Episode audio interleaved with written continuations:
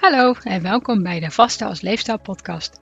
Mijn naam is Amanda Kortman, ik ben gewichtsconsulent en omdat er zoveel slechte informatie over vasten verspreid wordt, hoop ik het met deze podcast zo te versimpelen dat voor iedereen kan werken. Vasten is namelijk geen hype, maar een onderdeel van een gezonde leefstijl. Je vast al wanneer je langer dan 12 uur niks neemt dan het vasten stopt, dus het is makkelijker dan je denkt.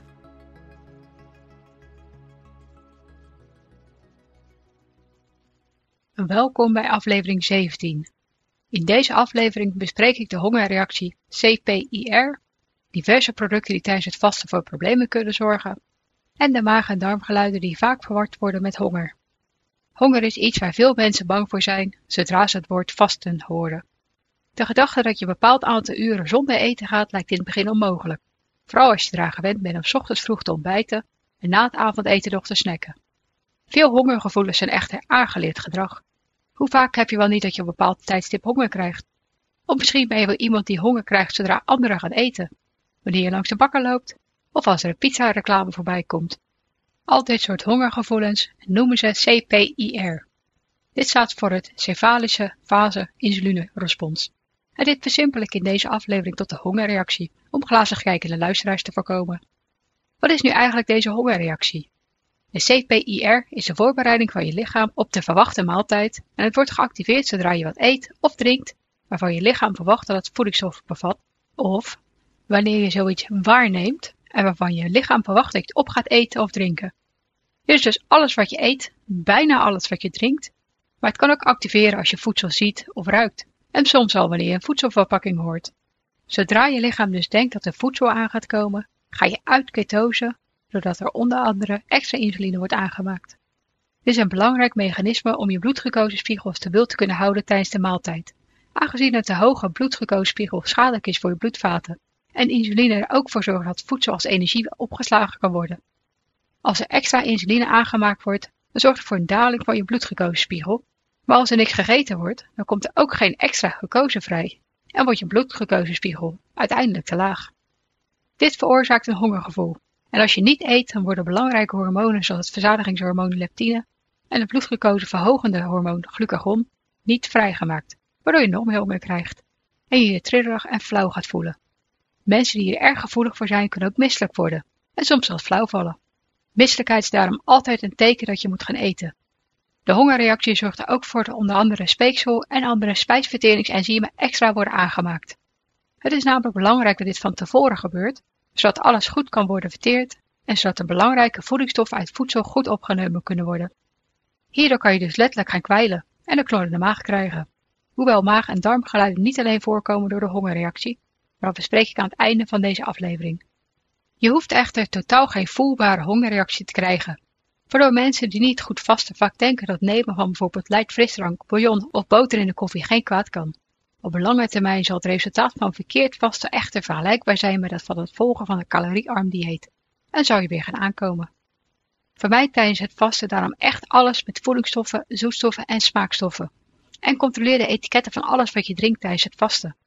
Luister aflevering 2 nog een keer voor alles wat je wel en niet kunt nemen tijdens het vasten. En luister aflevering 8 nog een keer als je dan supplementen en medicatie neemt. Deze bevatten namelijk vaak ingrediënten die je lichaam als voedsel ziet en die bespreek ik daar uitgebreider. Je lichaam reageert dus op potentieel voedsel, waardoor je hongerig wordt als je het niet krijgt. En daarom noem ik het de hongerreactie. De zoete smaak geeft trouwens de grootste reactie in je lichaam en de bittere smaak de minste. En daarom is het drinken van bittere zwarte koffie maar zelden een probleem. En zorg bijvoorbeeld light ervoor dat je tijdens je eettijd hongerig blijft voelen, zodat je niet in ketose kunt gaan en je niet de voordelen van het vasten krijgt. Als je twijfelt of je wel of niet op 100% echte thee of koffie reageert, dan kan je tijdens het vasten voor de zekerheid beter bij alleen kraanwater houden en van alles genieten tijdens je eettijd. Vast is saai en daardoor waardeer je eettijd des te meer. Alles wat je waarneemt kan de hongerreactie beïnvloeden. Dus als je net begint met vasten, dan kan het geen kwaad om tijdens je vasttijd nog even de supermarkt te vermijden. En om bijvoorbeeld kookshows en culinaire websites ook te vermijden. Koken of maaltijden klaarmaken voor je naaste tijdens je vastheid kan in het begin ook even lastig zijn. Maar bij de meesten trekt dit helemaal weg, zodat het net zoveel hongergevoel geeft als de was doen. Geen dus. Als je moeite hebt met de geuren die vrijkomen, dan kan het helpen om alles van tevoren, tijdens je eettijd, klaar te maken, zodat je er geen last meer van hebt. Maar als dit geen optie is, dan kun je altijd nog een wasknijper op je neus doen. Ook het dragen van een mondkapje kan helpen en dit is ook handig om te voorkomen dat je tijdens het koken onbewust iets proeft of een vinger aflikt. Aangezien geuren een probleem kunnen zijn, is het ook belangrijk om te letten op bijvoorbeeld de geurkaarsen en wierook die je thuis aansteekt. Als je een keertje honger krijgt doordat je langs een broodjeszaak loopt, dan zal de hongerreactie je wel weer snel wegtrekken. Maar geurkaarsen die naar appeltaart ruiken zullen de hongerreactie blijven activeren en zo je vast volledig verstoren. Alle geuren die jij met eten associeert, kunnen daardoor een probleem zijn. Het horen van bepaalde geluiden, zoals het opentrekken van een zak chips of kaubende mensen, kunnen tegen ook lastig zijn. Dus vraag je naaste om rekening met je te houden als je dit nog niet kunt negeren. De hongerreactie is ook aangeleerd gedrag, waardoor velen op bepaalde momenten, zoals op hun voormalige etenstijden, honger krijgen. Ook situaties zoals tv kijken of autorijden kunnen hiervoor zorgen als je eraan gewend was om dan te snacken. Ons lichaam werkt het liefst zo efficiënt mogelijk, waardoor het in het begin op standaard tijden en momenten uit zichzelf de hongerreactie zal activeren. Sommige vasters spelen met hun tijden om hun lichaam weer sneller af te leren. Zo kiezen ze bijvoorbeeld de ene dag voor het ontbijt en de lunch, en de volgende voor het lunch en het avondeten. En dan weer eens alleen voor het avondeten als ze die dag toch niet zo honger hebben. Het kan niet zijn om mee te experimenteren als je er veel last van hebt. Maar de geautomatiseerde hongerreactie zou je lichaam echt wel weer afleren. En de honger trekt normaal gesproken binnen een half uurtje wel weer weg. Bij mij duurde het een maand of drie, vier tot ik er geen last meer van had. Maar dit kan natuurlijk sneller of langzamer gaan. Net voordat je lichaam in ketose gaat, krijgen de meesten trouwens ook even honger. Je lichaam wil tenslotte nog niet overgaan op de vetverbranding en stuurt je dan een herinneringssignaaltje dat je moet gaan eten om dit te voorkomen. Dit willen we natuurlijk nog niet en dit trekt ook vanzelf weer weg. Zoek afleiding, drink een extra glas water en luister aflevering 7 nog een keer voor extra tips zodat het hongergevoel des te sneller weer verdwijnt. Is het hongergevoel na een half uur nog niet voorbij en neemt het toe? Ga dan gewoon eten. Het is echte honger en het is en blijft belangrijk om altijd naar je lichaam te luisteren. Het mentale aspect van de hongerreactie is ook heel belangrijk. Als je je zielig voelt omdat anderen eten en jij niet, dan zal het veel moeilijker zijn om je lichaam ervan te overtuigen dat alles gewoon kan negeren, terwijl jij beslist dat je gaat eten. Het gebruik van een vast app of timer kan hier weer handig voor zijn. Je start fysiek de timer van je app of telefoon en zodra je gaat eten stop je die weer. En met dit kleine ritueel kan je hongerreactie heel effectief beïnvloeden. Ik ben trouwens van vast app gewisseld omdat de app Fastdick die ik in aflevering 7 bespreek steeds beperkter werd. Ik gebruik nu Live. Als je wilt kun je lid worden van mijn gratis groep, of Circle, zoals ze het in de app noemen. Een ander onderdeel van het mentale aspect is dat je niet druk moet maken over alles waar jij geen invloed op hebt. Vermijd alles waar jij wel invloed op hebt, zoals verkeerd vasten en de geurkaarsen die je thuis aansteekt. En hoewel het vervelend is als je trek krijgt als je langs de bakken loopt, of als je naast zich geen rekening met je houden, onthoud dan dat de hongerreactie zelf voorbij gaat als je het negeert, maar dat het vasten alleen maar makkelijker zal worden. Het volgende wat ik in deze aflevering bespreek zijn de dagelijkse producten die velen gebruiken en die een probleem kunnen vormen tijdens de vastheid vanwege de stoffen die ze bevatten. Over tandpasta en mondwater krijg de meeste vragen. En deze zijn ook gelijk de enige uitzondering op de smaakjesregel. Dit komt omdat tandpasta en mondwater zonder smaak en zoetstoffen haast onmogelijk te vinden zijn. Je tandenpoets is echter te belangrijk voor je gezondheid om dit over te slaan. Gelukkig poets je je tanden maar een paar minuten per keer en slik je het niet in, waardoor het effect op je lichaam meestal verwaarloosbaar is. Het mentale aspect helpt hier ook weer bij. Je gaat tenslotte niet gelijk eten na het tanden poetsen. Ook poets je ze maar twee keer per dag.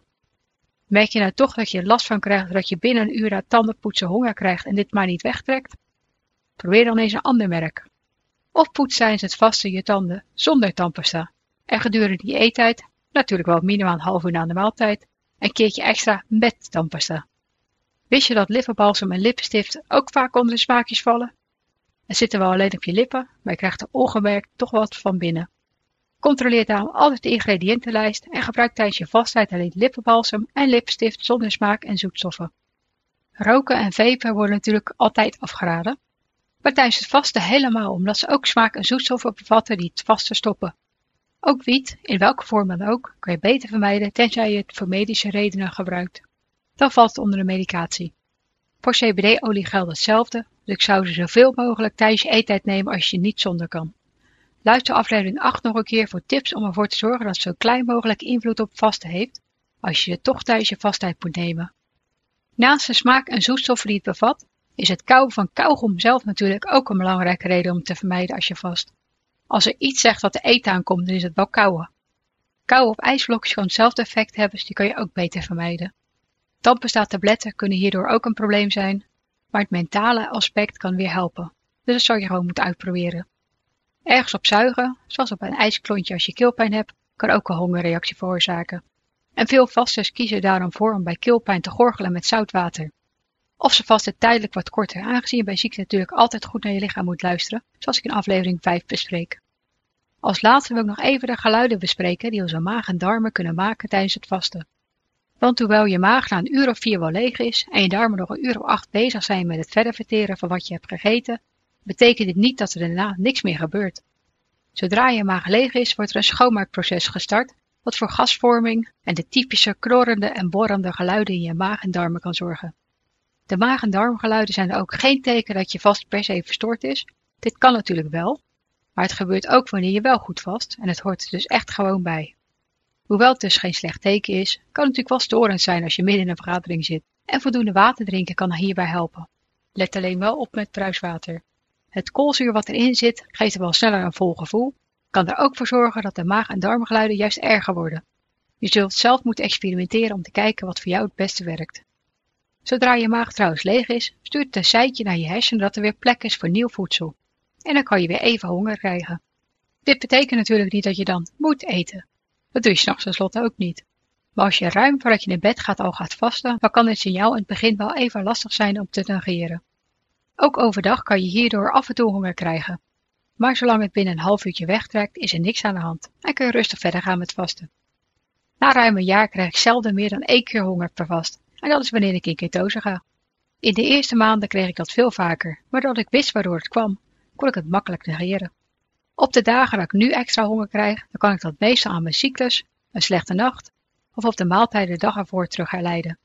En zolang het weer wegtrekt, vast ik gewoon door tot ik mijn 18 uur heb gehaald. Het duurt toch maar een paar minuutjes. Ik hoop dat je nu wat meer begrijpt over de hongerreactie en hoe het zit met de maag- en darmgeluiden. En in aflevering 18 bespreek ik de mentale voordelen van vasten.